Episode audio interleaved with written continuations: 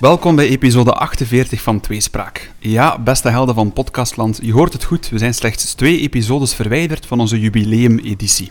Gestart in december 2019 en drie jaar later zitten we hier nog altijd met evenveel goesting, kriebels en trots.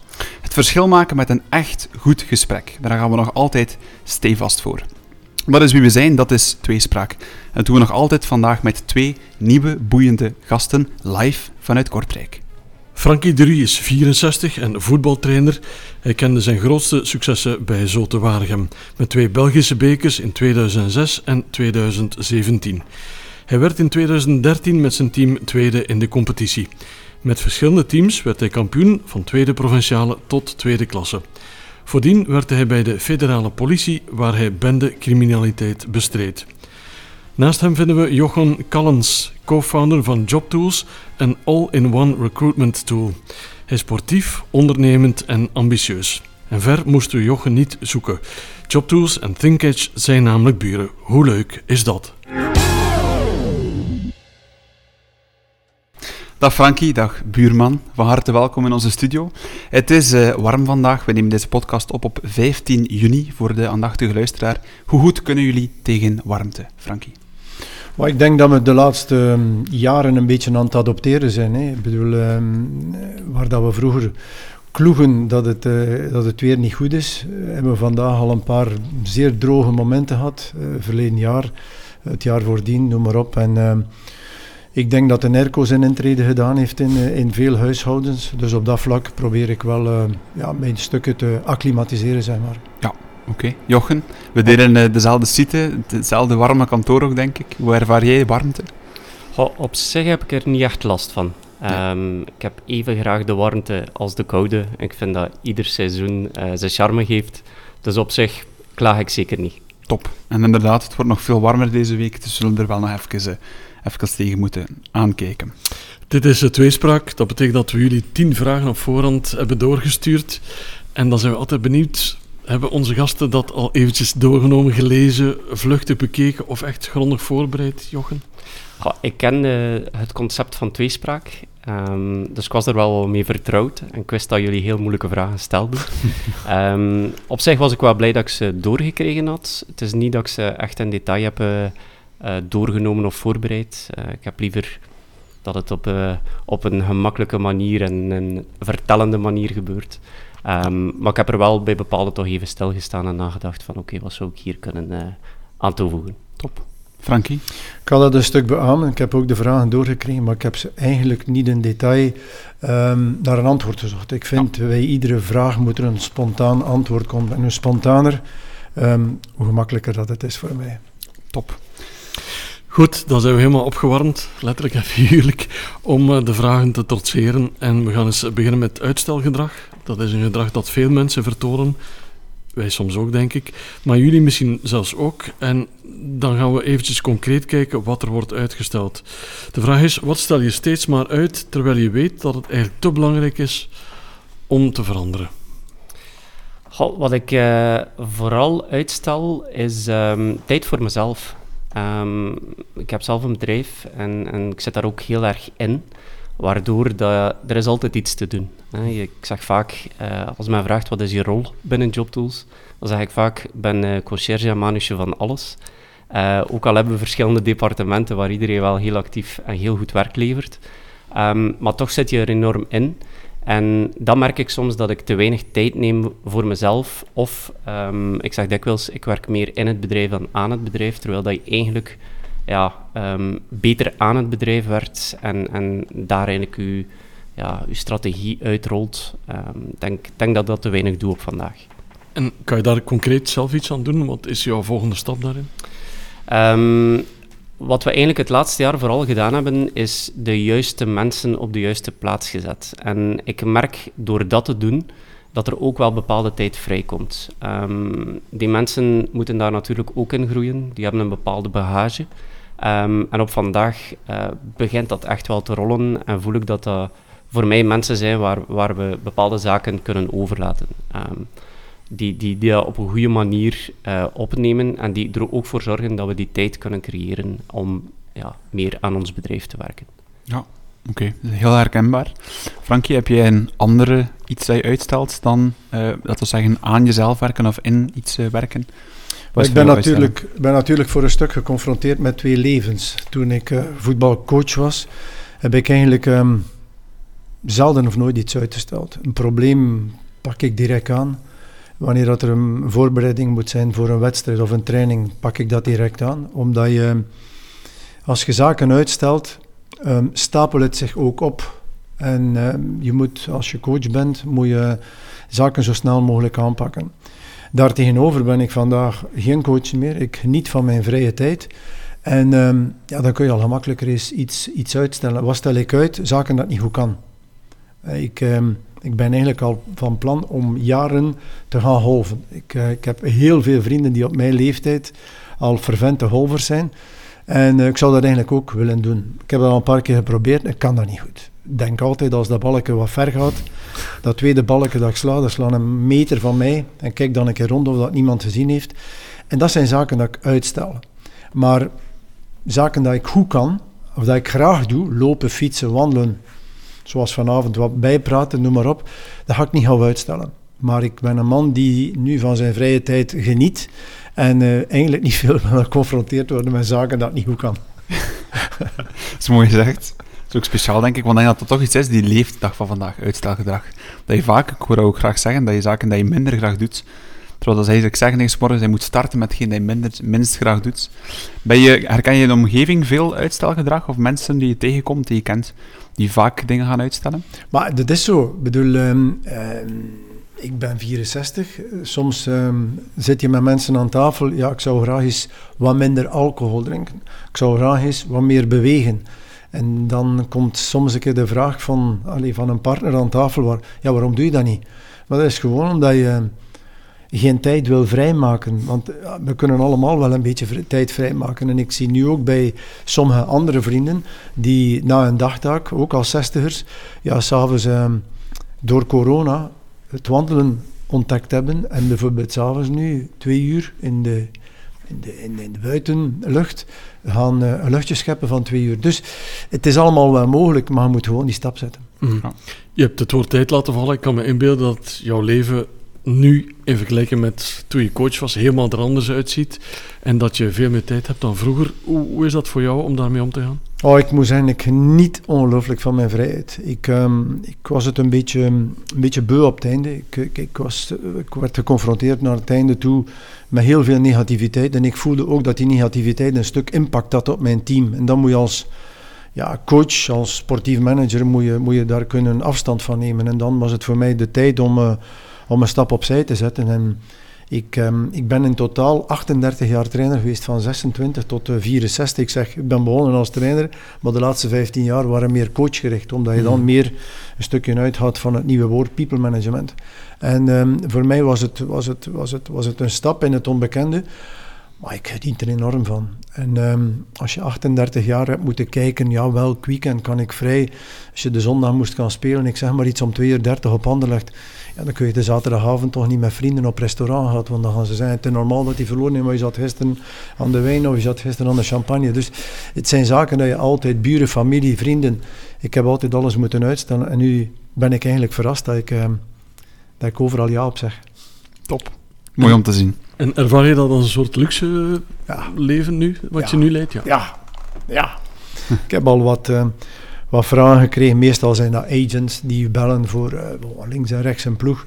En um, ik heb toch al wat vragen gekregen, maar ik heb, ik heb het comfort en de luxe om, uh, om te kiezen. Mm. En om ook te zeggen, nee, dit doe ik niet.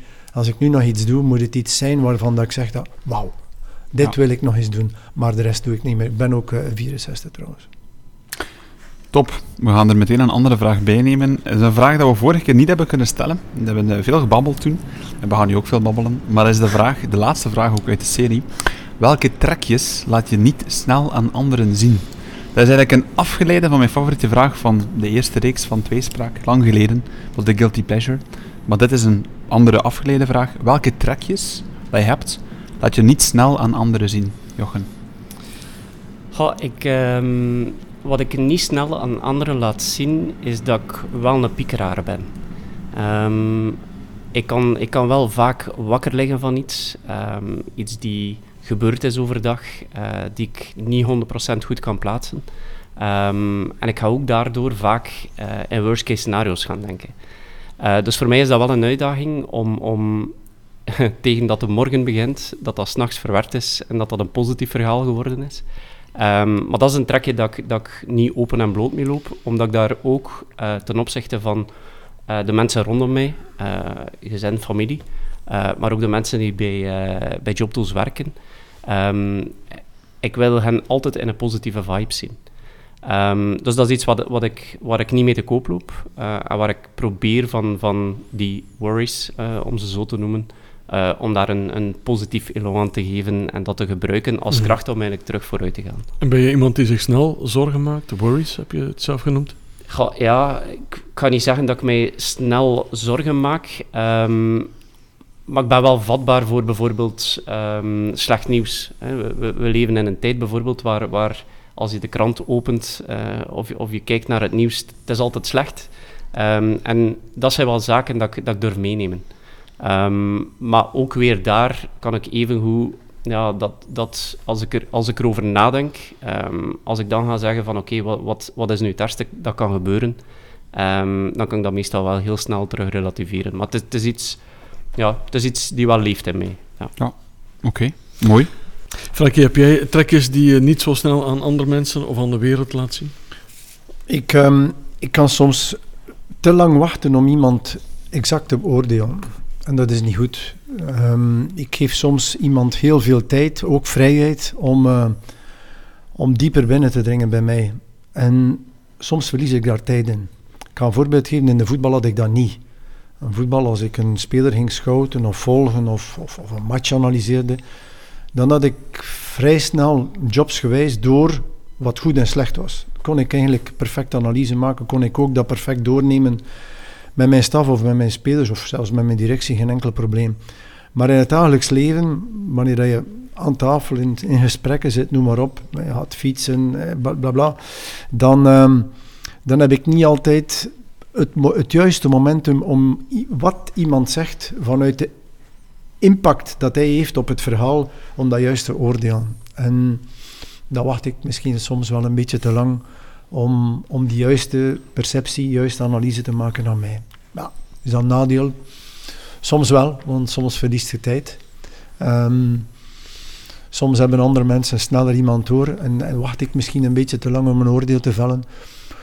Maar goed, dan heb ik het misschien ook juister gesteld. Tuurlijk. En heeft het systeem ook voordelen? Want je zegt vooral nadelen. Heeft dat ook voordelen, denk ik? Maar het voordeel is dat je natuurlijk niet snel iemand gaat bruskeren dat je iemand tijd geeft om, ja, ik zou zeggen, je vriend te worden, uh, je kennis te worden, te werken voor u, et cetera, et cetera. Mm -hmm. Dat kan heel breed gaan. Um, in mijn functie als coach vond ik het een voordeel dat ik heel snel kon anticiperen op het verhaal. Ja, ik vind het wel mooi. Dat is een heel typisch, allez, dat zeggen typisch, het is een heel toegepast trekje. Dat je echt zegt van, daar ken ik wel. Het is inderdaad wat tijd geven, maar misschien soms te veel tijd. Maar het is een bevestiging van van hetgeen ik ken, waar dat ik de know-how van heb, daar kan ik heel snel over anticiperen. In een wedstrijd ook. ik, voel, ik voel de wedstrijd aan. Dit is niet goed, ik ga dit proberen. Maar als ik een pan heb met de sanitair of met de elektriciteit, dan, dan, dan is mijn flexibiliteit en mijn creativiteit is, uh, ja. onbestaande, want daar ken ik niks van. Ja. Mm -hmm. Dan zijn we met twee. met drie. Met vier. Voilà. Uh, we zijn allemaal mensen die een uh, leven leiden en dat leven gaat sneller dan we denken en uh, vermoeden. Um, en af en toe mogen we ook eens terugkijken naar wat was, want daaruit kunnen we ook iets leren. De volgende vraag is dan ook een beetje toegespitst op het verleden. Als je jezelf vergelijkt met de persoon die je tien jaar geleden was, wat is er dan veranderd? Jochen, ik weet niet hoe oud je bent. Van Frankie weten we dat al, van jou nog niet. Um, 42. Min 10 is 32. Voilà. Wat is het verschil tussen de jochen van 32 en 42? Op mijn 32e was ik vooral uh, een intrapreneur. Um, ik was nog niet zelfstandig begonnen. Ik had nog geen eigen bedrijf. Um, ik was vooral bezig met carrière. Hè. Dus dat was voor mij het, het, het belangrijkste op dat moment. Uh, heel hard carrièregericht. Maar ik voelde mij daar niet super gelukkig bij. Um, dus voor mij was, was het een, uh, ja, een mooie stap om de stap te zetten naar, eh, naar ondernemerschap. Um, dus in die tien jaar, uh, ik ben nu, ben nu zes jaar eigenlijk bezig met, met JobTools, samen met Dieter, mijn vernoot.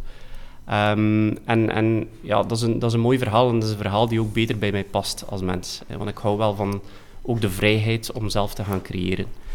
Um, dat, is, dat is een grote aanpassing, of een grote verandering ten opzichte van tien jaar geleden. En een, een tweede, maar dat is dan eerder op, uh, op een persoonlijk vlak, denk ik, wat ook vooral veranderd is bij mij, zijn prioriteiten. Um, als ik daarnet zei van ik was, ik was vooral bezig met carrière, um, dan verhad ik ook wel soms de mensen rondom mij. Uh, ik denk dan aan gezin, uh, maar ik denk dan bijvoorbeeld ook aan, aan, aan mijn ouders. Uh, ik hoorde mijn ma heel veel bijvoorbeeld via de telefoon en mijn pa. Mm. maar ik had niet de tijd om langs te gaan, dacht ik. Um, en dat is iets wat ik ook uh, veranderd heb aan mezelf, uh, om echt wel de prioriteiten juist te hebben, uh, te weten wat echt belangrijk is in, in het leven, en daar toch ook wel heel veel aandacht aan te besteden. Mm -hmm. Heeft dat met ervaring te maken, met maturiteit, of spelen daar nog andere dingen in mee? Ja, ik denk dat dat deels te maken heeft met maturiteit. ik denk dat dat ook deels te maken heeft met de mensen um, rondom jou, of de gebeurtenissen rondom jou, um, sterfgevallen in de familie en dergelijke meer. Um, het zijn allemaal zaken die, die eraan bijdragen. Um, maar ik denk dat dat grotendeels toch ook wel uh, te maken heeft met ervaring. En, en ja, je, je wordt ook iets ouder en je stelt je, je prioriteiten anders. Um, je gaat gewoon meer gaan nadenken van, van wat is echt belangrijk voor me. En, en daar probeer je jezelf ook uh, in die richting te bewegen. We spreken over tien jaar geleden, maar ben je nostalgisch? Ben je iemand die graag terugkijkt naar het verleden? Ik ben Ik kan wel nostalgisch zijn. Uh, vooral als ik dan ook denk aan mijn studententijd. Daar kan ik wel heel nostalgisch over zijn. Uh, de, de Overpoort en Gent. Daar kan ik hele lange verhalen over vertellen. Um, maar op zich, ik ben gezond nostalgisch. Het is niet zo dat ik leef in het verleden. Um, of dat ik, dat ik uh, ja, echt terug wil gaan naar bepaalde momenten. Iedereen heeft hele mooie momenten. en die koester ik. Maar het is niet zo dat ik, dat ik, dat ik iets heb van... Oh, ik wil terug naar die tijd. Ik vind het goed zoals dat het uh, nu is, net zoals ik het zal goed vinden binnen tien jaar zoals het is. Uh, ja, ik denk mm. dat dat een, uh, ja, niet, echt een, niet echt super nostalgisch is. Nee. Oké. Okay. Frankie, we gaan naar 2012 terug. Het seizoen waarin je tweede zou worden, 2012-2013. Ben jij veranderd met de man die je toen was? Als je de, jezelf nu vergelijkt met die, met die persoon? Ik moet zeggen, ik heb heel goed geluisterd naar, naar het verhaal dat, eh, dat, of het antwoord dat Jochen gaf. Ik, ik, ik, begrijp dat wel. Ik denk, um, is 42, de sterkste jaren uit je leven komen aan. Hè. Tussen de 40 en de 60 moet je full gas geven. En dan, dan, dan heb je al wat ervaring, dan weet je al hoe dat het niet moet, dan, dan heb je al, kun wat bijpraten, et cetera, et wordt dan een keer geluisterd als je wat zegt. Dus ik zou zeggen, full gas tot, tot, tot aan je 60 en al wat er dat dan nog bij komt, is, uh, is leuk. Ik bedoel business-wise, noem maar op. Okay. Um, uiteraard ben ik ook veranderd. Ik, ik, ik was vroeger, ik vergelijk altijd, ik was vroeger een trainer en vandaag ben ik een coach. Mm -hmm. Enfin, was ik een coach. Um, iedereen is eerst trainer. Je moet eerst uh, weten hoe dat de gsm wordt gemaakt, alvorens dat je hem kunt verkopen. Je moet eerst weten hoe dat je IT kan functioneren, alvorens dat je het kunt aan de man brengen. Um, ik zeg soms, ik ga veel lezingen geven over coaching en communicatie. Ik zeg soms tegen de mensen, um, people management, dat is een woord 15 jaar geleden, dat bestond niet. Het is zo, het is niet anders. Ben uw vader, ben u een baas, ben u een leraar, het is zo. Je moest daar vroeger ook niet zo heel veel uitleg bij geven. Het is zo en niet anders. Vandaag word zij de coach en moet veel meer gaan uitleggen wat, dat je, ja, wat dat je wilt gedaan hebben. En dat maakt het, dat maakt het eigenlijk wel wat complexer. Mm -hmm. vroeger werden, ik zou zeggen, vroeger werd meer een, een speler gescreend op techniek, tactiek en fysiek. Dat was de primaire screening. Maar de laatste jaren, door de evolutie in, in IT, in, in, in statistieken, etc., wordt, uh, wordt een speler vooral gescreend, de winnaars dan, op de, op de secundaire screening. En dat is uh, het, het emotioneel-mentale. Mm -hmm. Hoe moet je omgaan met succes, met motivatie, hoe moet je omgaan in stresstoestanden, proberen iedereen wat, wat kalm te houden, hoe, hoe, hoe, hoe rustiger dat je kunt praten met iedereen, hoe minder dat je, dat je stress creëert. Het tweede was dan vooral voetbalgericht de structuur, de, de, de, de, de core stability van het lichaam, Mhm. goed, goed meekrijgen. En last but not least, de, de lifestyle. En ik denk dat in de eerste categorie de sporters zitten die graag sporten en die daar misschien nog een centje aan bij verdienen. Maar in de, in de, in de secundaire screening zitten vooral de winnaars, de jongens die iedere dag willen beter worden. De De Bruynes, de Courtois, de mannen die spelen puur om, eh, ja, om te winnen. Amai. Het is, is super helder. Ik, heb dat graag zo. Echt eh, alles mooi uitgelegd. Dat maakt het ook, eh, ook leuk voor ons. Volgende vraag. Gaan we het hebben over ontroering. Vind ik een heel mooie vraag. Ehm, we zijn in een wereld dat er veel gebeurt. Negatieve zaken, positieve zaken, gelukkig. Maar inderdaad, ehm, als we het hebben over ontroering, ben ik heel benieuwd. We misschien een keer beginnen bij Frankie. Ehm, wie of wat kan je diep ontroeren? Heel veel mensen. Ja. Echt waar, heel veel mensen. Ik kan, ehm, ik kan genieten van een mooie film. Maar ik kan ook genieten van een uitzonderlijke sportprestatie. Als ik zie hoe dat de evolutie van sommige atleten ja, in de verf wordt gezet, dat is heel mooi. Maar we vergeten wat ze, wat ze erachter gedaan hebben, wat dat ze allemaal hebben gedaan. En ik ben wel iemand die ehm, enorm kan genieten van, ehm, ja, van mooie prestaties. Echt waar. En ik, ehm, ik herhaal, dat kan Wout van Aert zijn op, eh, op, eh, in de Ronde van Frankrijk. Dat kan Mathieu van der Poel zijn in de koers dan. Hè. We kunnen ook eh, naar de andere, naar, naar, naar, naar, naar, naar whatever. Hè. Dat kan Nadal zijn, die voor de Mhm. zoveelste keer wint in Roland Garros. En als ik dan hoor dat die man speelde met infiltraties, dan, dan gaat mijn waardering nog, nog groter. Dus ik ben wel iemand die, ehm, die kan genieten van heel veel mooie prestaties. Mhm. Ja. En kan je bijvoorbeeld genieten van een mooi doelpunt, want je zit Ja, jaren in het voetbal. Eh, Kan je daar dan nog altijd van genieten Ja. na al die jaren? Ja, ik, ik, ik, ik- als dat in een combinatie is, dan ga ik daar gaan stilstaan en ga ik gaan kijken, kijk, hoe is dat nu echt gebeurd? Ik ga je een voorbeeld geven, want jullie hebben graag voorbeelden. Ik heb de match ehm, Real Madrid-Liverpool gevolgd, als kenner, zeg maar. Ik heb die wedstrijd heel nabij gevolgd. Maar ik heb genoten van de prestatie van eh, Thibaut Courtois. Ik vond hem die dag ja, subliem. Mhm. Maar ik ben dan ook die man die, die eigenlijk bijna onmiddellijk ja, zijn papa gaat feliciteren met de prestatie van zijn zoon. Want ik heb niet het volnummer van Thibaut Courtois, maar ik heb wel, ik heb wel Gutierrez. En ik vind, ai, dat zijn toch super prestaties. Dat is wel een Belg die daar staat, hè, die alles tegenhoudt in die match, toch? Absoluut. Ik vind dat wel, eh, ja, ik kan Ja. daarvan genieten, ja. Prachtig. Oké, dus ontroering op het eh, mooiste niveau. Jochen, is dat voor jou, voor jou ook voetbal of is dat nog iets anders? Goh, dat zijn zeker ook sportmomenten. Ehm, maar voor mij, als ik, als ik spreek over ontroering, dan, dan denk ik in de eerste plaats aan, aan mijn kinderen. Ehm, vorige week bijvoorbeeld was er eh, op zaterdag schoolfeest. Ehm, en dan, ze zitten bijna nog in het, eh, in het lager onderwijs. Ehm, moesten daar een dans voorbereiden, elk met hun klas. En als ik dan zie hoe die... Hoe die eh, ze zijn nu eh 9 en 11. Eh, dat waren beiden eigenlijk vrij introverte kinderen. Mhm. Maar hoe die zijn opgegroeid en, en hoe die hun zelfvertrouwen hebben opge opgekrikt, om het zo te zeggen. En als ik dan ze vol overga zie staan dansen, ja, dan, dan ontroert me dat. Ja. Ehm, En dan dans je misschien mee. en ja, zover zou ik het niet drijven. Ik denk eh, dat het eh, bij velen dan van ontroering naar verdriet zou gaan. Dus eh, dat, ga ik, dat ga ik niet doen. Ehm, maar, maar dat zijn wel de zaken die mij ontroeren. Of, of ehm, bijvoorbeeld ook in, in de wijk bij ons, eh, de kinderen die samenspelen, die ik hoor schaterlachen. Ja, dat, dat doet iets met mij. Dat vind, Ja. ik, eh, dat vind ik super. Ehm, maar ik kan bijvoorbeeld ook ontroering vinden in, in, in natuur. Ik ben een enorme ijslandliefhebber. Om de drie jaar ga ik trouwens met, eh, met een van mijn beste vrienden gaan we IJsland gaan bezoeken. Ehm, dat is zo'n traditie geworden waar we gewoon met de tent eh, vertrekken en eh, we zien wel waar we terechtkomen. Fantastische reizen.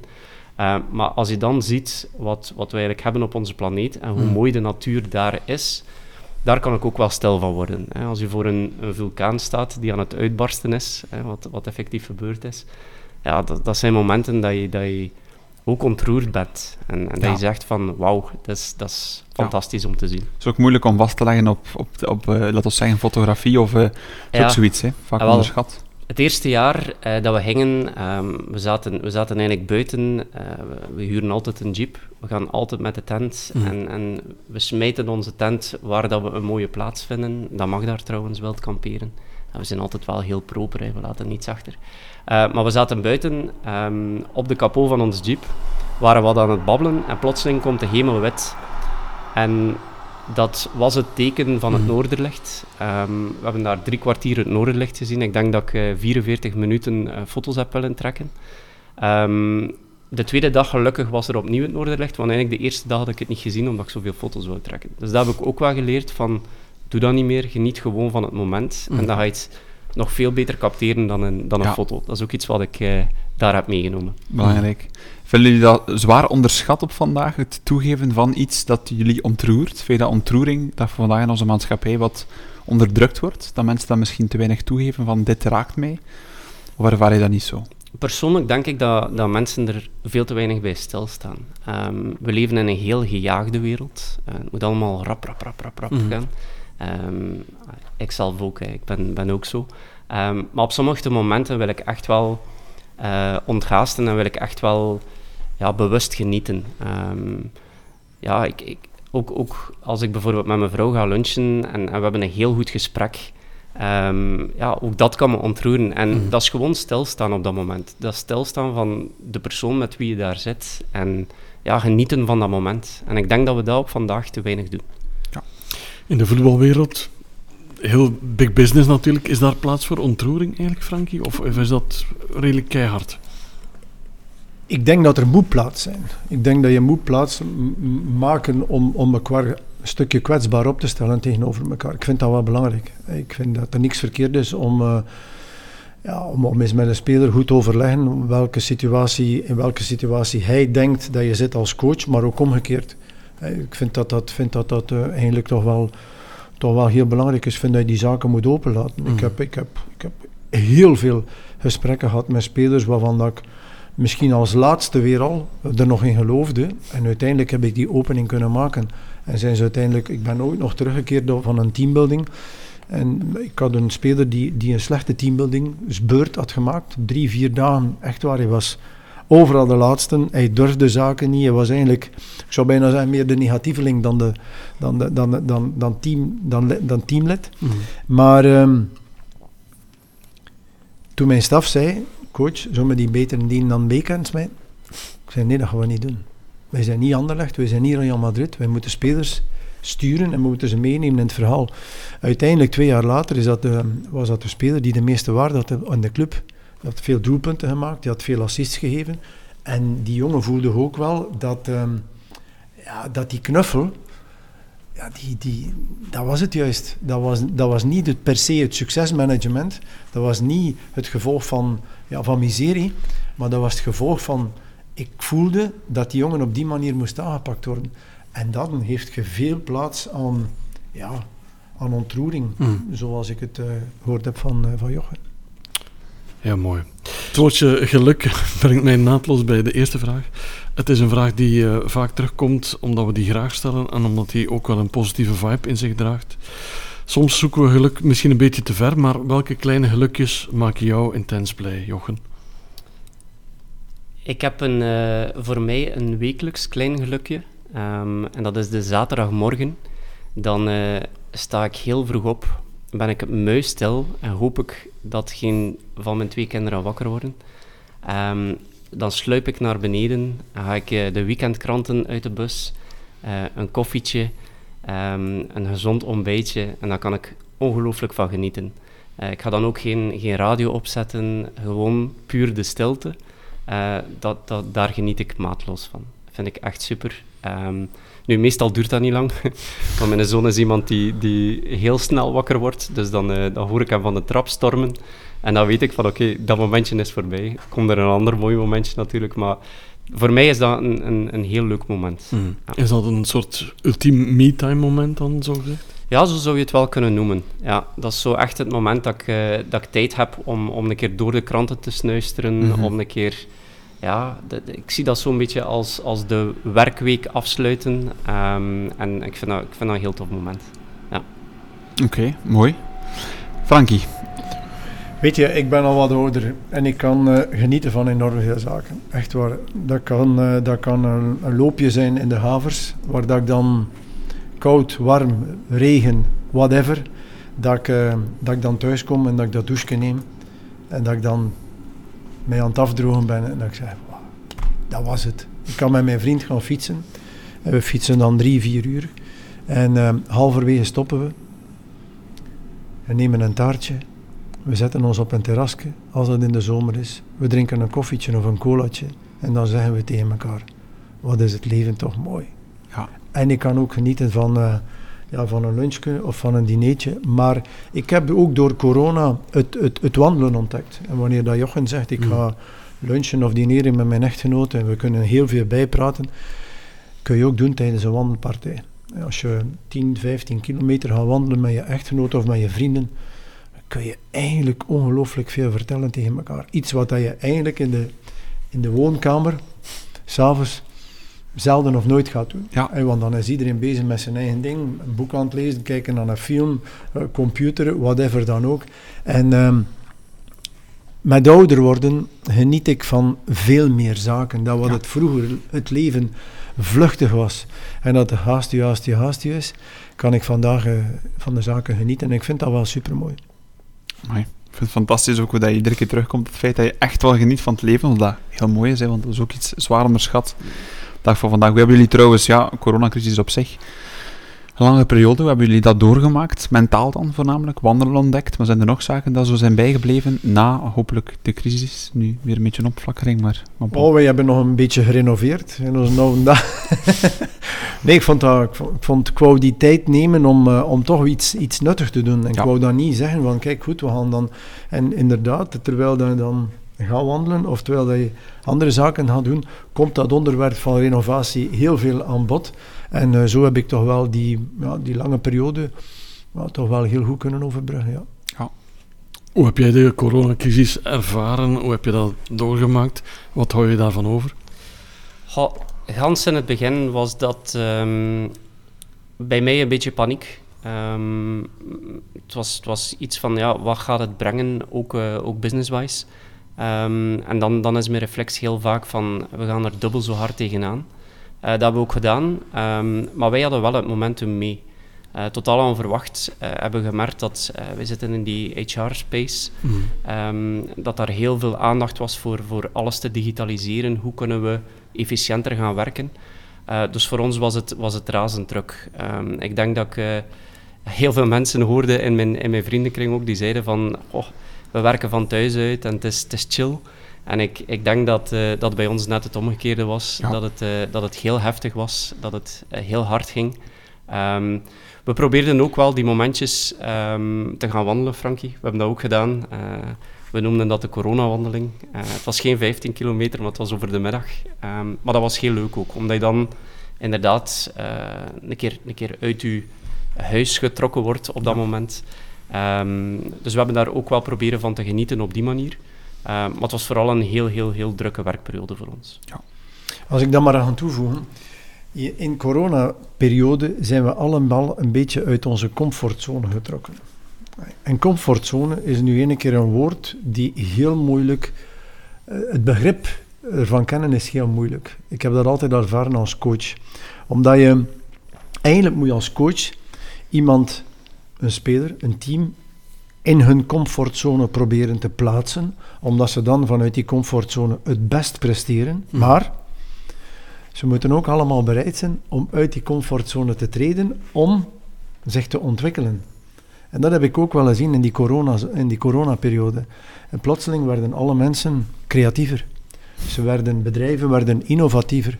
Um, we hadden plotseling iets meer geduld, want als we iets bestelden moesten we langer wachten. We mochten niet buiten. Dus we zijn toch allemaal wel ja, onze grenzen gaan verleggen. Ja. Geduld, creatief. Uh, we hadden iets meer empathie, want we gingen ook veel meer gaan luisteren naar iemand anders. We zaten allemaal veel dichter bij elkaar, omdat we hetzelfde mhm. probleem kenden. Mhm. ja. En dat vond ik wel, toch wel iets dat we nog niet veel meegemaakt hebben, zelfs niet ik, die toch al een zester ben. En zijn dat blijvers, denk je? Of zijn mensen mm, gewoontedieren en vallen ze snel in oude gewoontes, denk je? Wat mij vandaag een beetje stoort, dat is de negativiteit, de agressie, uh, de taal op sociale media, dat stoort mij een beetje. Je kunt daar niet altijd op reageren, omdat je, als je daarop reageert, zet je de zaken weer open of de deur weer open Mm. voor meer. Um, ik denk dat we heel snel weer vervallen. En um, je ziet dat ook op, op, op feestjes en dergelijke. Ik heb, ik heb ooit een, een uitspraak gelezen van een psycholoog. En die man, ik had hem heel graag ontmoet, want ik ging hem echt te woord gestaan hebben, over de agressie in, in voetbalstadia. En die man zei, ja, eigenlijk moeten we dat allemaal wel een beetje kunnen aanvaarden, kunnen plaatsen, want dat is een gevolg van juist corona. Mm. Ja, kijk, met deze antwoorden, zelfs al is die man psycholoog of psychi psychiater, ja, dat, dat houdt geen steek. Dat houdt geen steek. Je kunt niet aanvaarden dat er geweld is, nee. omwille van, ik zeg zomaar iets, corona. Als je, als je dat aanvaardt, dan ga je ook de oorlog in, in, in Oekraïne gaan, gaan zeggen, ja, dat is een gevolg van corona. Nee, dat kan niet. Ja. Maar we zitten eigenlijk allemaal een beetje in dezelfde boot. Het is gewoon hoe dat een ieder ermee omgaat en Ja, hoe hij zelf ook Inderdaad. ja, aan het langste eind blijft trekken. Goed, we gaan er nog eens een vraag uh, tussen gooien. Een vraag waarop je zelf een antwoord wil krijgen. We zitten zelf met heel veel vragen. Sommige worden snel beantwoord, andere ja, moet je heel lang wachten tot je een antwoord krijgt. En op sommige vragen krijg je gewoon nooit een antwoord. Op welke vraag wil jij ooit wel eens een antwoord krijgen, Jochen? Iets dat me wel bezighoudt is van uh, waar gaan we naartoe met de wereld? Um, en ik bedoel dan vooral in de positieve zin. Um, heel graag zou ik een keer weten binnen, binnen 100, 200 jaar van waar staan we met, uh, met de wereld. Hè? Want er zijn heel veel zaken hangende. Denk dan aan de metaverse en toestanden, uh, digitale werelden, uh, kinderen die volledig digitaal opgroeien. Um, ja, dat zijn zaken, het vliegen naar, naar Mars, hè, als, als we Elon Musk volgen, het vliegen naar, naar Mars.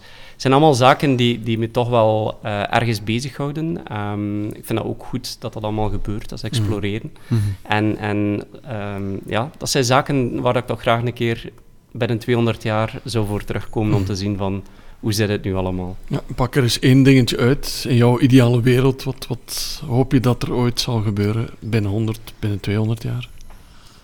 Goh, uh, wat ik vooral hoop is dat, uh, dat de planeet zoals dat we ze hier kennen nog altijd is zoals dat ze is. Hè. Um, dat er nog, ik bedoel dan in een positieve zin, hè, dat er nog groen is, dat we niet in een uh, 100% verstedelijking zitten. Um, dat hoop ik vooral, dat het leefbaar is um, en dat er mogelijkheden komen. Voor de generatie achter ons, de generatie daarachter, mm. dat iedereen zijn ding vindt en, en dat het een, een mooie, leefbare planeet blijft. Ja, want bijvoorbeeld de klimaatcrisis is nu een heel ja. modern item natuurlijk. Is dat iets wat jou bezighoudt? Het houdt me bezig, uh, maar het is, allee, ik moet eerlijk zeggen dat het niet iets is wat, um, waar ik dagelijks oplet. Ik ben geen, geen activist daarin. Um, ik, ik rijd bijvoorbeeld wel hybride. Ik probeer wel mijn steentje bij te dragen, maar het is niet iets waar ik dagdagelijks van wakker lig. Mm -hmm. uh, terwijl dat ik wel heel goed besef dat het een groot probleem is en ja. dat het moet aangepakt worden. Um, ja, ik denk dat er daar andere personen zijn die daar meer kunnen in, uh, in betekenen. Uh, ik doe mijn, mijn kleine deeltje erin en, en als er meer verwacht wordt, ga ik dat, ga ik dat met plezier doen. Um, maar ik ben niet de activist die, die op de tafel staat te springen. Nee. Dat niet. Oké. Okay. Frankie? Bij mij persoonlijk zijn er twee zaken die mij toch wel bezighouden. Eén, ik bevestig wat dat Jochen zegt, het klimaat, maar ook de agressie, de stijgende agressie. Als ik zie vandaag, als je de rekening maakt in Amerika, hoeveel mensen dat al neergeschoten zijn, dat, dat, dat die politiekers of diplomaten, hoe dat ze zichzelf kunnen noemen, vandaag nog altijd verkondigen dat, dat de wapenwet, dat, er, dat, dat, dat dat niet kan veranderd worden door de, wapen, door de nieuwe wapenwet. Ik, ik begrijp dat niet. Als je vandaag ziet dat we volop in een oorlog zitten in Oekraïne, die vluchteling, iets wat dat mij ook ontroert, mijn manier van spreken. Mm. Ik vind het abnormaal dat we in 2022 met, met, met, met moeders zitten die met kinderen moeten vluchten en dat de papa achterblijft om, om, zijn, om zijn stad of zijn land te verdedigen. En dan denk ik, wij zitten met zoveel diplomaten. Er zijn eigenlijk maar drie landen die oorlog kunnen voeren. Het is Rusland, Noord-Korea en, en China.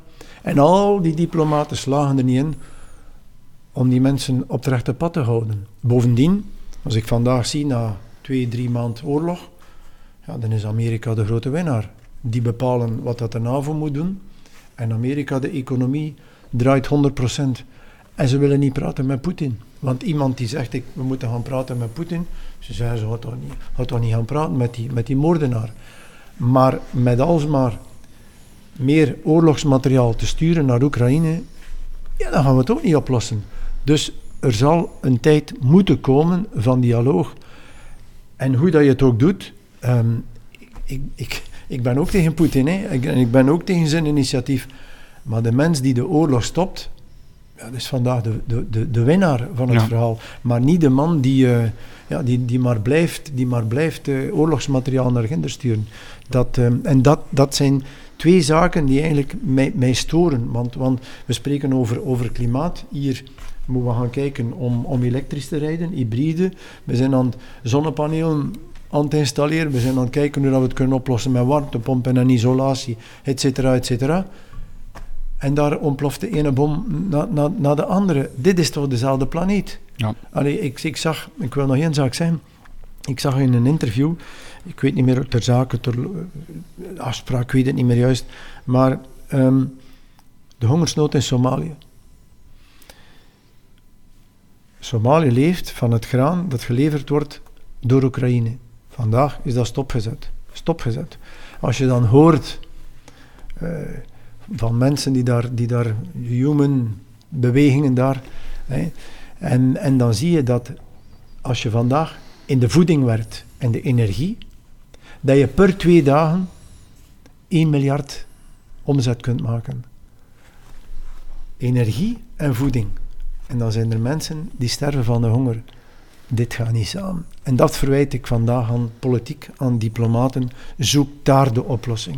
Zorg dat we... Ik had vandaag, ik had daar nog juist iemand aan de lijn, die zei, ik heb een bedrijf in Frankrijk en daar gelden die regels. Maar in mijn, in mijn bedrijf hier in België houden er andere regels. Kijk, dit vind ik een ongelooflijke uitdaging voor beleidsmensen. Mai. En er is veel werk aan de winkel, als ik jou zo bezig hoor. Ah, ik, ehm, ik, ik vind dat we vandaag veel te veel tijd verliezen in, Mhm. in, in onbenulligheden. Mm. in onbenulligheden. Als ik, van, ik heb vanmorgen naar Gent gereden. Ik, ik moet kijken, ik mag daar het 50 rijden, ik mag daar het 70 rijden, ik mag daar 30 rijden. Dan op de autostrade, als ik geluk heb, mag ik weer 120 rijden. Ik mag daar niet over de witte lijn rijden, ik moet daar mijn richtingsaanwijzer gebruiken. Nee, ik denk dat we tijd aan het verliezen zijn. Er zijn te veel regeltjes, Ja. bij wijze van spreken. Ja. Overal 120. Wij- nee, ik nee, bedoel, nee, maar ik bedoel Ik snap wat we zijn overgereglementeerd. Ik denk dat niemand vandaag nog buiten kan stappen en zeggen: Kijk goed, ik ga hier maar mijn ding doen. Wat ook goed is, ik begrijp dat allemaal. Maar initieel zijn we enorm veel energie aan het verliezen, omdat we. Ja, Hey, met poespas. Wij zitten daar in, in, in Vlaanderen, in West-Vlaanderen zitten wij daar niet met die hoogspanningslijn die komt, die die energie wil Ja. brengen van over de zee. Ik denk dat ik het antwoord al weet. Ik denk dat ik het antwoord al weet, maar niemand wil het verkondigen. We gaan problemen hebben als ze het, als ze het in de grond willen steken, maar ze willen het niet zeggen. Mhm. En dan als ze het gaan zeggen, zouden iedereen bezig. Dus Ja. politiek-wise wordt dat dan een, een oorlog hier in West-Vlaanderen. Zijn eens duidelijk en probeer de mensen te helpen Mm, wat je ze kunt helpen. Oké. En dat bepaalde beleidsmakers nood hebben aan de coaching van, eh, van Frankie. Belangrijk. We hebben een aantal wereldproblemen op tafel gegooid. Fijn dat je dat doet, Frankie, maar we gaan het een beetje lichtzinniger maken. Ja, zodat het eh, draagbaar blijft voor onze luisteraars thuis. Eh, we gaan het eens hebben over boeken, liedjes, films, waarmee we een echte persoonlijke band hebben, die voor ons heel veel betekenen, om welke reden dan ook. Jochen, ik durf de vraag aan jou stellen. Heb jij liedjes, boeken, films, theaterstukken waar je een echt speciale band mee hebt? Goh, speciale band. Ehm, ik leg s'morgens in de auto als ik de kinderen naar school voer heel vaak, terwijl jullie nog bij me zijn, van Ali B op. Omdat dat zo'n liedje is, ik weet niet of, of jullie het kennen. Eh, de persoon Ali B is een beetje eh, controversieel op vandaag. Eh, ik, allee, ik heb anders geen liedjes van hem dat ik, dat ik volg. Maar dat is een liedje dat hij gemaakt heeft voor zijn kinderen, waar hij zegt van... ehm, terwijl dat jullie nu nog klein zijn en bij me zijn en graag knuffelen en, en opkijken naar mij, voel ik nu al een beetje de pijn als jullie weggaan. En dat is zo'n liedje die, die, die bij mij wel binnenkomt, eh, waar dat ik mij wel kan mee vereenzelvigen. Ehm, als je spreekt over, over boeken ehm, of films, ehm, ik zie graag een film, maar het is niet zo dat ik, dat ik daar iets heb die, die, waar ik een persoonlijke band mee heb. Je hebt niet een film die eruit steekt, bijvoorbeeld, of zo? Goh, eruit ehm, wat ik bijvoorbeeld... Ik heb recent de film gezien, ehm, The Boy with the Striped uh, Pyjama. Pyjama. Pyjamas. Yes. Ehm, ik heb die, die gezien. Ik vond het een heel ontroerende film, een heel mooie film. En ja, dan, dan sta je daar wel bij stil en zeg je van... Hoe kan dit bijvoorbeeld Mhm. ooit gebeurd zijn? Eh, het is een fictieverhaal, denk ik, maar Ja. toch, allee, Mhm. het komt eh, ook heel hard binnen. Mhm. Ehm, maar echt een, een persoonlijke band met, met Nee. films of boeken heb ik niet. Maar je bent wel een boekenworm. Ja. Le- ja, je leest veel. Ja, Ook doorheen de week. Ik probeer dat wel. Ja. Ja. dat is iets wat ik eh, mezelf opleg. Ehm, het zijn wel altijd non-fictieboeken. Ja. Ehm, het zijn meestal boeken die te maken hebben met, met ondernemen. Heel vaak in, in, de, ja, in de trend van, van eh, bijvoorbeeld Spotify. Hoe is Spotify opgericht? Hoe is Facebook opgericht? Waar hebben ze tegenaan gelopen? Dat inspireert mij enorm. Ik ben nu recent ook wel eh, een, een kleine bibliotheek aan het aanleggen. Want ik, ik heb een zwak voor boeken. Ik kan, kan een boek kopen puur op, eh, op de cover. Eh, en als ik er dan tien bladzijden in lees, dan denk ik van, tja, de volgende keer moet ik toch misschien iets meer eh, research doen. Ehm, maar ik ben nu vooral bezig ook met, eh ehm, met buitenscholen rond beleggen. Ehm, en, en dan kan ik daar wel mee volledig in verliezen en, en ga ik daar wel heel veel van opnemen en heel veel Mhm. boeken rond lezen. Ja. Je bent begonnen bij Alibi. Hoe belangrijk is muziek in jouw leven eigenlijk? Ehm, niet super belangrijk. mijn vrouw bijvoorbeeld, als die, als die beneden komt, er moet muziek aanleggen. Ehm ik zelf kan, kan veel meer genieten van de stilte. Eh, ik vergeet meestal de radio aan te leggen. Dus ik ben niet echt... ehm, ik, ik vind ook mooie liedjes tof, maar het is niet dat ik daar echt iets, iets ja, een band mee heb. Of, Nee. En ben je iemand die bijvoorbeeld uit de bol eh, kan gaan op muziek, of doe je dat niet? Dat kan ik wel. Ehm, we zijn er opnieuw in geslaagd om eh, tickets voor Tomorrowland te hebben. En dan kunnen we wel eh, een keer een zwaar feestje bouwen. Eh, daar kan ik dan ook wel enorm van genieten. En dat is, dat is ook een moment van ontroering. Hè. We hadden het daarnet over ontroering. Als je die, die massa mensen eh, ziet opgaan eh, op, op een bepaald liedje van een bepaalde DJ, Ja. Dan vind ik dat fantastisch. Dat, dan, dan heb je het gevoel van eenheid. Hè. Er Ja. zijn daar enorm veel nationaliteiten. Het gevoel van eenheid, het gevoel van ja, allemaal samen. Mhm. ehm, vooral happiness. iedereen is daar super blij, loopt Ja. daar eh, heel enthousiast rond. Het maakt ook niet uit dat op zich. Ik ben er zelf een paar keer geweest wat hij aan hebt. Nee. Dus iedereen van elke nationaliteit eh, maakt op zich niet uit. Bloot, half naakt, dik, dun. Iedereen loopt daar rond en is super gelukkig. Ja, iedereen lacht, iedereen knikt, iedereen is, eh, is super gelukkig. En ja, dat vind ik wel fantastisch. Top. Ja. Oké. Frankie, heb jij een bepaalde band met een lied, een boek, een film, een theaterstuk of iets anders in de kunstwereld? Of Tomorrowland. Ja, als je spreekt over Tomorrowland, je spreekt over half naakt, zal ik, zal ik toch eens dringend moeten, eh, moeten een ticketje gaan kopen. Eh, nee, ik was, ehm, ik was eh, enkele dagen geleden was ik op een begrafenis van iemand die plotseling gestorven was. De man was eh, 74 jaar. En ehm, het lied die daar doorheen de begrafenis in de oren klonk, was ehm, Leef, alsof het je laatste dag is.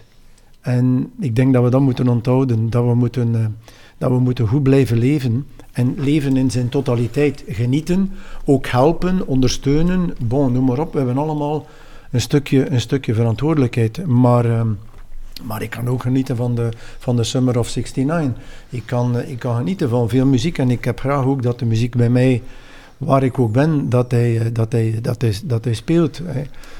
Ik vind dat, vind dat altijd leuk. Het is altijd, eh, je hebt, je hebt, je hebt nee, die slagers en dergelijke meer. Ik ben al wat ouder, maar ik, ik kan daar ook wel, nee, ik kan er echt van genieten. Ik kan daar ook wel een stukje meezingen, of was het maar onder de douche.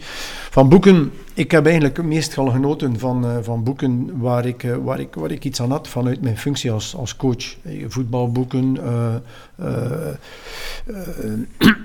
voet- boeken over, over, over de fysieke voorbereiding van, van spelers. Ik vond dat wel, er is enorm veel vernieuwing aan de hand.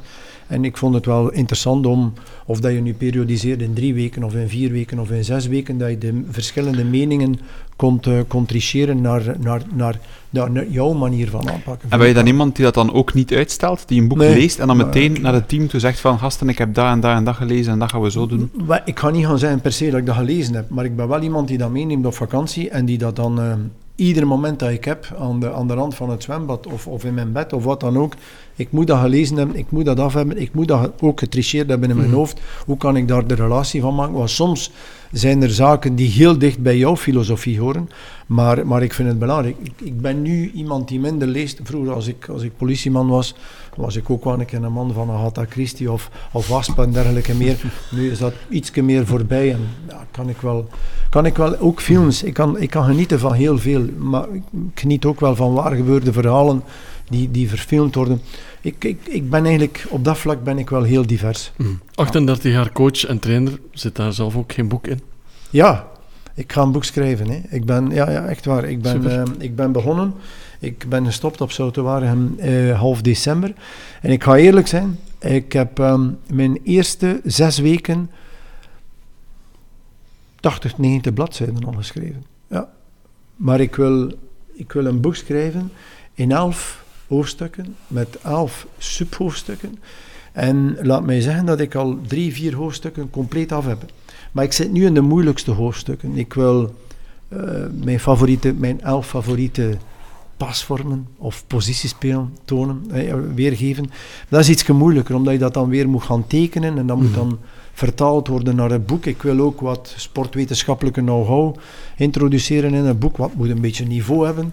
Ehm, en ik lig stil nu. Ik ga eerlijk zijn, het is niet de warmte, maar ik lig toch al een enkele weken stil. Stel. Ehm, Heb je al een titel voor je boek? ja, maar ik kan dat natuurlijk nog niet zeggen. Maar ik, heb het al. Nee, nee, nee, ik heb, ik heb, een, ik heb, een, ik heb een titel. Geen Ehm, primeur?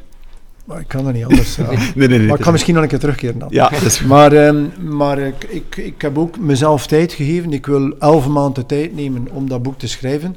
En is dat elf dagen, of elf dagen langer, no problem. Ik heb ook, een van mijn intro's is, je moet het boek niet lezen op elf minuten, maar je moet er ook geen elf maanden aan lezen. Dus ik wil, het woordje elf, team, moet Mhm. daar veel in terugkomen. Ja, het is een vrij algemeen boek. Het is niet echt een biografie bijvoorbeeld. Dat Nee. is het niet. Mijn biografie, pff, ik ben... Je eh, hebt toch wel iets te vertellen, hè? Ja, ik heb iets te vertellen, maar ik vind dat... Ik wil dat een stuk onderverdelen in, in een van de twee hoofdstukken is amateurvoetbal en profvoetbal. En ik wil daar een subhoofdstuk... Ja, dat is af. Dat is al af. Ja, Maar kan is dat- Max? Het is vooral Ja. een beetje een handboek naar coaches dan. eh, eh, vooral, vooral de andere, de andere hoofdstukken wil ik... ehm, daar wil ik... Allee, ik vind die sportwetenschappelijke know-how, dat, ja, dat moet top zijn. En ik wil ook... Ze, hebben, ze zitten in mijn hoofd. Ik wil ook met elf toppers, voetbal of niet voetbal gerelateerd, wil ik ook in gesprek gaan.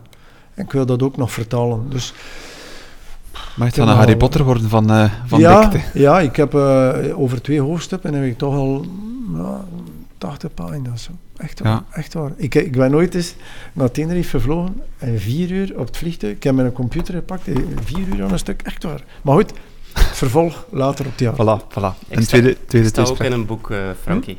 Ik heb ook al een eh, hoofdstuk in een boek geschreven. Is dat? Ja. Super. Dat is eigenlijk een, eh, een, ehm, een initiatief van eh Bart de Bond. Ehm is eigenlijk een, een ondernemer is getrouwd met Greet Roefaar, de, de actrice. actrice. Ja. En die had het idee om eigenlijk, ik weet nu niet meer of het eh 50 ondernemers was of 100, dat weet ik niet meer, die eigenlijk elk één hoofdstuk schreven van een aantal bladzijden. En dat noemt 50 inzichten of 100 inzichten. Mhm.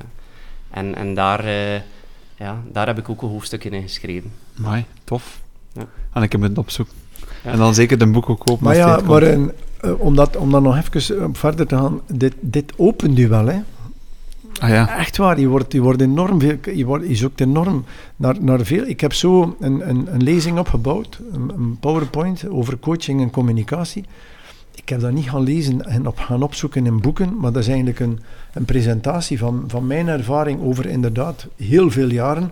En ehm, ja, op den duur heb je wel een, ja, een, sterk, tuurlijk. een sterke presentatie. En als je al die zaken, want het gebeurt soms dat ik ook veel opschrijf. Hè.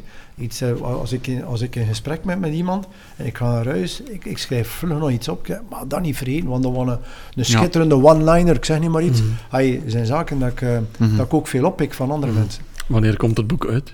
Maar ik, ik denk maar tegen het einde van het jaar of zoiets, als ik klaar ben. Maar Het zit in mijn hoofd. Ik ga dat wel... ehm, De, boek, de boekenbeurs is, twee, is in november, denk ik. Ja, en die gaat niet meer door in Antwerpen, maar gaan nu volledig door in Kortrijk. En negen dagen lang hebben we vandaag gelezen. Dus, eh, misschien voilà. dat ik daar dan de, de negende nacht toe kom. En dan, Het zou wel zijn. Dan wil ik zeker een handtekening.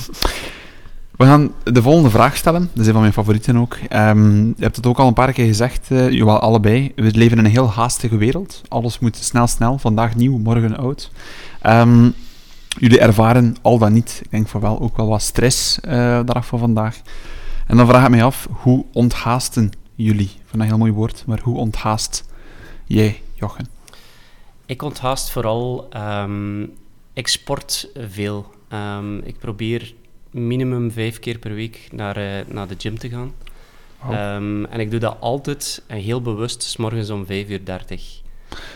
Oké, Eh, heel bewust. eh, initieel deed ik dat niet. Dan ging ik s'avonds. Um, en wat merk je dan? Dan is het heel druk. Ehm, je ontspant daar totaal niet.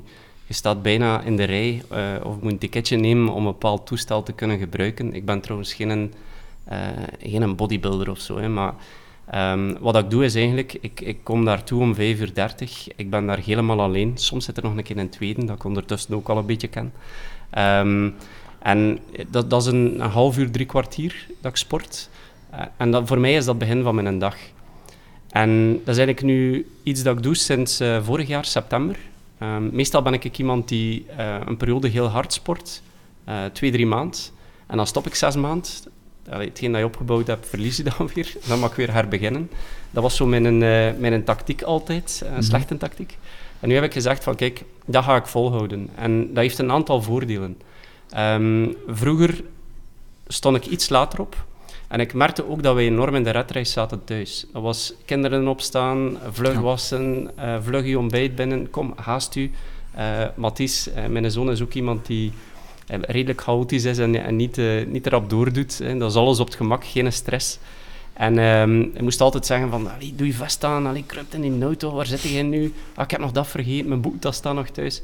En ik kwam altijd te laat aan de schoolpoort. En op de school dat zij zitten, hebben zij de gewoonte om eigenlijk de deur stipt toe te doen. Dus ik was altijd degene die moest bellen en zeggen van, ja, we zijn iets te laat, sorry. Eh, en op, dier, op den duur bekeken die mij ook zo scheef van, eh je is daar weer, je is weer te laat, kunnen niet wat vroeger komen. En eigenlijk door die aanpassing te doen en heel vroeg op te staan, Mhm. die sport te nemen, ben ik super rustig. Mijn kinderen zijn veel rustiger. En we zijn eigenlijk altijd, ja, eh, ik zou zelfs zeggen, de schoolpoorten zijn nog niet open en we staan daar al. En dat is voor iedereen gewoon veel aangenamer. Ja. Eh, we hebben ook onze taken thuis. Mijn vrouw maakt alles klaar, de boterhammetjes en dergelijke meer voor de kindjes. Dus dat is super geregeld nu. En ja, dat geeft mij heel veel eh, rust. Ja. Hè. En voor mij is dat een heel belangrijke stressfactor die wegvalt. Want vroeger, je zet die kinderen af, je zit al in die rushmodus, je zit al opgejaagd Ja. en je neemt dat gans hun dag mee. Mhm. En voor mij is dat een, een heel grote verbetering in mijn leven Mhm. geweest. Eh, En durf je wel eens een beurtje overslaan, of doe je dat niet? ja, ik, ik geef mezelf... Dus eigenlijk heb je, heb je vijf werkdagen in het weekend. ehm, ga, ik, ga ik ook naar de gym, maar dan ga ik wel later. Eh, en daar staat geen uur op. Maar in de week ehm, hou ik er mij aan om vier op de vijf dagen te gaan. Ik geef mijzelf één een cheatdag. Ehm, maar ik zet wel mijn wekker ook vrij vroeg. eh, dat ik ook die stress niet heb. Drie kwart later. En drie kwart dat ik anders sport. Ehm, maar ik hou wel dat ritme aan. En, en ik ben ook iemand, als ik bijvoorbeeld dat een paar weken niet zou doen, dan zou ik dat ook kwijt zijn. Dan zou ik voor mezelf niet meer de discipline hebben om dat te blijven doen. Dus Ja. ik ben me daar ook Mhm. van bewust. Mhm. En door gewoon in die routine te zetten, is dat iets die, ja, die, die gewente geworden is. Mhm. Ehm, nu ook bijvoorbeeld, het is heel vroeg, ehm, de zon komt heel vroeg op, dat is super zalig. Ja. alles en iedereen slaapt nog en jij bent al onderweg, je komt geen auto tegen en je zit echt in die, in die zen-modus. En dat is, dat, is, dat is heel leuk. Ja. Staat morgen vroeg een sessie op het programma? Absoluut, absoluut. En leef je daar dan anders naartoe, bijvoorbeeld vanavond? Is dat Nee. een andere mindset? Nee, Je hebt dan eh, ook niet veel slaap nodig. Ik heb niet zoveel slaap nodig. Nee. Hoe laat zit je dan s'avonds in je bed gemiddeld? Goh, dat, is, eh, dat is een beetje afhankelijk. Meestal probeer ik uiterlijk tegen 11 uur. Soms is het ook iets vroeger. Ehm, goh, ik zou zeggen, als ik, als ik een zevental uur slaap heb, is dat voor mij oké. 6 uur 30, 7 uur. Ehm, dat is voor mij, dat is voor Ja. mij goed. Ja. Frankie, ik zag je knikken terwijl je zei uh, vroeg opstaan. Ben je zelf ook een vroege vogel? Nee, nee. nee zeven uur, oh ja. kwart voor zeven, zeven uur. Dat ja. is een beetje mijn, uh, mijn, uh, mijn, mijn, wekker, mijn wekkerstand. Maar ik kan volledig volgen in het, in het ochtendsporten. Ik ben nu drie weken op vakantie geweest. Ik heb iedere morgen gaan lopen. Iedere morgen. Nog een klein beetje naar de gym. nog een beetje oefeningen doen, want ik kom al wat stijver.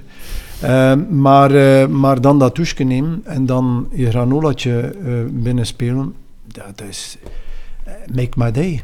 Dat, ja. is, dat is ongelooflijk. Dat is één. Ik ging ook veel sporten na mijn trainingen, waar dat ik dan veel ideeën op doe. Ik vind als ik ga lopen in de havers, um, ik, bijvoorbeeld als we de zondagmatch hadden of de zaterdag, ik was iemand die heel veel ging lopen voor de wedstrijd. Ik had dat, ik had dat precies nodig. En ik deed altijd goede ideeën op. Ik, uh, je bent dan alleen.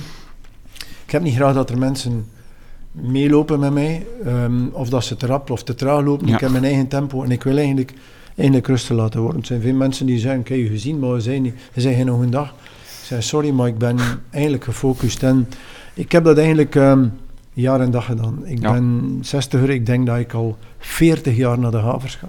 Zo'n fantastische plaats. Hè, ik, heb nog, uh, ik heb nog de periode gekend dat je daar... S'avonds in je naki kon gaan zwemmen. Uh, ja, dat kan allemaal niet meer. Tomorrowland in de Tomorrowland in de ja, havers. Ja, maar dat was uh, super, ja. super leuk. Vandaag kan dat allemaal niet nee, meer. Ik nee, weet nee, dat wel, begrijp dat. Maar sporten ont, ja, onthaast je. Uh, ja. Het is super leuk. Ik, als, ik ga fietsen met mijn, met mijn vriend nu. Ik heb fietsen meer leren ontdekken sinds dat ik gestopt ben als coach, omdat ik vind van fietsen heb je toch altijd drie, vier uur nodig. Lopen, als je een uur loopt, heb je, heb je gesport.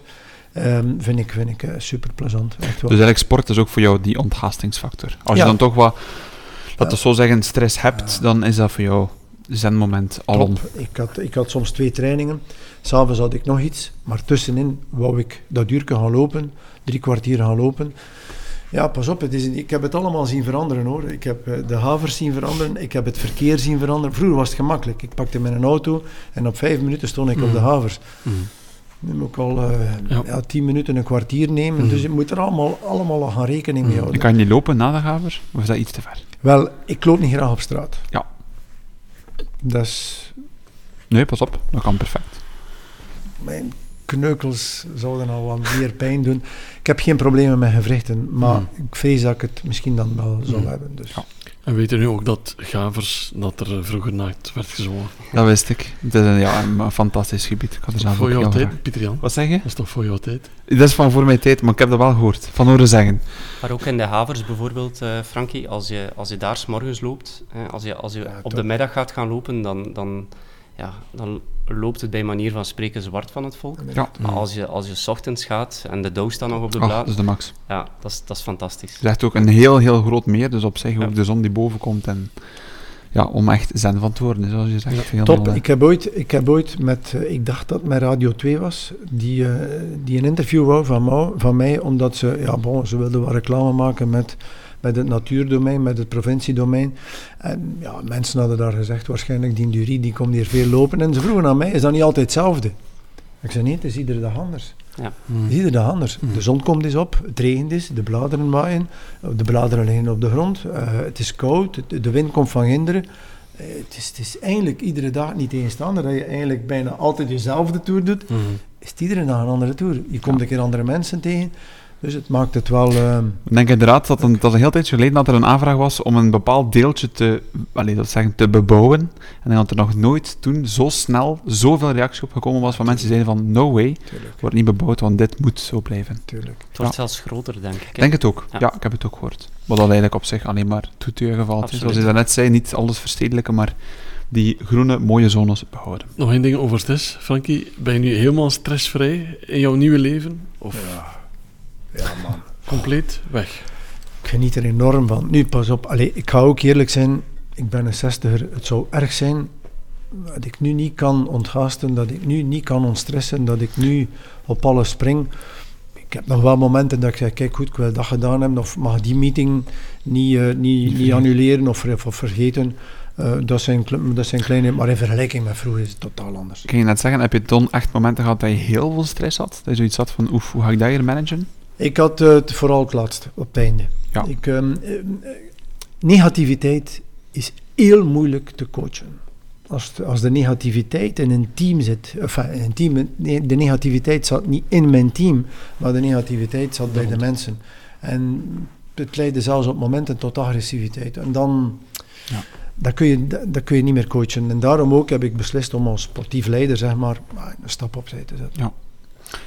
Ik ben ook een beetje de timekeeper van de podcast. We hebben nog tijd, Steven, voor één laatste vraag. Ja, een leuke uitsmijter denk ik. Dat zijn mensen die ons inspireren. En soms zijn dat bekende namen. En Frank heeft het al gezegd. Hij kent ons al een beetje. We willen dat er ook af en toe namen vallen van mensen die ons eh, boeien en inspireren. Welke beroemdheid, bekende mens, Vlaming, buitenlander of wat dan ook, kan jou ergens inspireren? Jochen. Voor mij gaat het niet zozeer over een, eh, een persoon. Ik word eerder eh, geïnspireerd. Ik heb daarnet al een beetje aangehaald door de dynamiek van bedrijven. Hè? Een, een Spotify, een, een, een Tesla, een, eh, zo, die bedrijven, hoe, hoe is de dynamiek daar rond? Ehm, qua personen heb ik één iemand ehm, door wie ik wel ben beginnen ondernemen. Ehm, dat is, het, is, is ook via een boek hoor. Het is Richard Branson. Ik denk dat dat een naam is die je wel vaker hoort, maar dat was de eerste was eigenlijk het eerste boek, The Virgin Way, Ja, Mhm. ehm, die ik heb gelezen en waar ik iets van had van... goh, dat zou ik eigenlijk ook wel niet willen, dat, dat, dat, is, dat is utopisch, maar dat zet mij wel aan tot, eh, tot ondernemen en, en iets, iets betekenen. Ehm, dus dat is vooral een, eh, een naam die me bijblijft. Ehm, als ik het dichter bij huis ehm, moet zien op vandaag, dan, ehm, dan is dat bijvoorbeeld een, een Michael Pilarczyk. Ik weet niet of de naam, het is een Nederlander. Ehm is vooral bezig ook met, eh, meer met zelfontwikkeling. Ehm, vind ik een inspirerend persoon. Ehm, ja, ik denk dat dat, eh, dat voor mij zo de, de inspiratiebronnen zijn op vandaag. Ja. En is die Branson dan bijvoorbeeld de trigger geweest om zelf de stap naar het ondernemen te zetten? Eigenlijk op zich wel. Ehm, ik, ik kom niet uit een zelfstandige nest. Eh, mijn ouders ehm, die, die, die werkten eigenlijk als, als bediende eh, bij bedrijven. Ehm, mijn, mijn echtgenote komt ook niet uit een zelfstandige nest, dus dat kwam eigenlijk ook nooit ter sprake. En op een bepaald moment, ik had dat boek gelezen en dat was iets die, die bij mij bijbleef. Eh, en ik bleef daarover denken en ik, ik begon zelf ideeën te zien. Ehm, en, en ik had zoiets van, "Goh, waarom de sprong niet wagen? Hè? Waarom zou ik dat niet durven doen? Ehm, en eigenlijk met iedereen dat ik daarvan sprak binnen mijn kennissenkring eh, of, of familiekring, eh, die zeiden allemaal, Jochen, waarom zou je dat doen? Je hebt een goede job, je gaat het toch niet laten vallen voor onzekerheid. En, en ook dat zat in mijn hoofd. Dus dat was telkens zo van, doe ik het, doe ik het niet, doe ik het, doe ik het niet. Mhm. En eh, op een bepaald moment waren we op, eh, op een familieweekend ehm, en iedereen was ziek behalve ik. Ehm, dat is echt gebeurd. Eh, ze lagen allemaal in de zetel of in bed. Het was heel slecht weer en ik ben een wandeling gaan maken langs de zee. Ben denk ik vijf uur weg geweest en ben teruggekomen en ik heb gezegd van ik ga de stap wagen. Ja. top. En ik heb het gewoon gedaan op dat moment. Ik heb gewoon gezegd van kijk goed, eh, ik vraag mijn btw-nummer aan en, en we starten ermee. Eh, en op dat moment, het moment dat ik die beslissing genomen had, dan kon ook niemand mij meer van eh, mijn mening afbrengen. Dan had ik Ja. zoiets van, ja, ik snap jullie mening en, en ik heb daar respect voor, maar toch ga ik doen wat ik wil doen. En tot op vandaag is dat voor mij een van de beste beslissingen dat ik, dat ik genomen heb. Schitterend. Mai. Super mooi om te horen. Daar zit ook een boek in. Ja, zeker. ik, heb, ik voel twee boeken aankomen. Frankie, heb jij een bepaalde beroemdheid of beroemdheden, zeg maar, die je inspireren? Ehm, niet per se één iemand, maar ik heb wel opgekeken naar heel veel mensen rond mij. En dat konden mensen zijn die, mij, eh, die, die coaches waren. Ik heb onder andere op, eh, op eh, Juventus op stage geweest. Ik heb op AC Milan op stage geweest. En toen waren er twee coaches, Lippi en Ancelotti. Eh, vandaag nog altijd succesrijk, maar eh, toen was Ancelotti op AC Milan en Lippi en Juventus. En dat zijn wel twee mensen die, ehm, die indruk gemaakt hebben op mij omwille van hun persoonlijkheid. Eh, die waren kalm, die waren zelfzeker, wisten heel goed waar ze, waar ze naartoe wilden. Als ik een training zag, dat was niet alleen alles goed georganiseerd, want dat is bij mij ook, maar ehm, die lieten heel veel ruimte aan, aan de assistenten, aan, eh, aan spelers. En eh, waar dat ze tussen kwamen, ja, zag ik dat die spelers aan, aan, aan, aan hun mond hingen. En dat vond ik, eh, dat vond ik echt de leiderschap, dat vond ik Mhm. echt de coaches. En als ik zie vandaag dat, dat Ancelotti de, de, de Champions League wint, ja, dan is dat eigenlijk iemand dat ik Ja. 20 jaar geleden ontmoette in, in AC Milan. Dus die heeft zich ook altijd maar ontwikkeld. Die is in ieder land wat dat hij coach geweest is, die, is, die heeft kampioen gespeeld. Ja. Ik zie nog de wedstrijd eh, tegen, eh, tegen, eh, tegen, tegen Liverpool met Real Madrid. Ik was ooit op stage in AC Milan en dat bevestigde eigenlijk wat ik daar toen geleerd had. Ik vroeg aan Ja. Seedorf, wat is eigenlijk het vers- het verschil in filosofie tussen het Nederlandse voetbal en het Italiaanse voetbal. De Italianen hoeven de bal niet om, de, om een match te winnen. Dat zie ik terug in Real Madrid. Die heeft daar die, die, die, die winning mentaliteit Mhm. eh, geïntroduceerd en, en, en nooit paniek eh, wanneer dat het een keer moeilijk gaat. Ja. Ik vind dat wel... ai, ik herhaal, eh, ook bedrijfsleiders uit, het, uit, uit de regio, je hebt er juist Paul Renson genoemd, als ik met Paul praat, ja, dan, dan, dan lig ik aan die man, ja, dan lig ik aan die man zijn lippen. Als ik, als ik sommige bedrijfsleiders hoor praten, ja, dan, dan zeg ik Frankie Dury, nu moet je je oortjes op luistermodus zetten en nu moet je vanavond niet veel zeggen, maar gewoon luisteren. Ja, ik kan... Ja, Ik mooi. heb, ik heb al een paar keer dwars door Vlaanderen meegemaakt. Als je aan tafel zit met, eh, met Luc Maas, of je zit aan tafel met, eh, met, eh, met Noël de Meulenaar, Mhm. dan moet je maar één ding doen. Luisteren. Dat zijn toppers. Dat zijn regionale toppers. Eh, ja, mm, ehm, dan gaat Frankie Dury niet veel tussenkomen. Oké, dat was eh, niet de alarm van de podcast die afging, maar een autoalarm op de parking. Maar het is ook het einde van deze podcast, Steven. Absoluut. Ik moet zeggen dat ik zelf ook vaak op luistermodus heb gestaan vandaag. Ik heb genoten van jullie verhaal. Ik vond het zeer eh, kwetsbaar, authentiek. We hebben twee mensen leren kennen die we niet op die manier kenden. Dus dankjewel voor jullie openheid en eh, verhaal ook. Graag Pieter gedaan. Jan, dankjewel om voor de 48ste keer al op weg te gaan. Zeker. We beginnen ook zelf ouder te worden, hè, Steven. Wat, wat zeg jij? ja, sorry. Eh we hebben dit zelf ervaren, de podcast, Jochen. Ik vond het een heel leuke ervaring. Ja. Ehm, vooral omdat het niet de typische podcast is. ehm, maar zoals je zegt, dat het over authenticiteit gaat. Ja. Ehm, ik, vond, ik vond het een heel leuke ervaring. Ik vond het ook heel tof om het, eh, om het met Frankie te kunnen doen. We kennen elkaar al een, eh, een hele tijd. Eh, dus het was heel leuk om het, eh, om het samen te kunnen doen. Je bent ook een trouwe luisteraar. Ga je naar deze podcast zelf luisteren? Goh, ik ben wel benieuwd, ja. Top. Dus bij deze aan sportende Jochen die nu luistert, je hebt dat heel goed gedaan. Mhm. Frankie. Ja, top. Ik heb, eh, ik heb jullie leren kennen. Ik heb Jochen ook leren kennen op een andere manier, op een leuke manier, op een zeer ondernemende manier, authentieke manier ook. En ehm, ik ben geen luisteraar, maar misschien word ik er wel een. Nee, nee, echt waar. Ik, ik heb er echt van genoten. Fantastisch. Voilà, we gaan eh, de kanalen waar je kan luisteren, Frankie, eh, nog eens doorsturen. Ik zou zeggen, hartelijk dank, veel succes. We zien uit naar jullie boeken. Boeken, we hebben dat zo in meervoud gezegd natuurlijk. Zeker dat van Frankie, dat er al zeker komt. Misschien ook van jou, Jochen. Dus, je hebt kanalen komt- gezegd, Steven, ik zal ze nog even vermelden, maar als je tweespraak wil beluisteren, kan dat op Spotify, op Apple Music en op YouTube. En als je gewoon op abonneer klikt, dan hoor je ze allemaal meteen als ze binnenkomen. En bijvoorbeeld kan je gaan lopen in de gavers met je oortjes en Eh, Er is niets beter dan dat, natuurlijk. Voilà. Oké. We weten wat we Bij doen. deze. ik doe het vaak als ik sport 's morgens. Top. En wel, we zullen maken dat hij op tijd online staat. Dan kan Frank hem gebruiken in de gavers en in de gym. Super. Super, dank je Pieter Jan, dankjewel en tot tweespraak. Steven, dankjewel en tot tweespraak.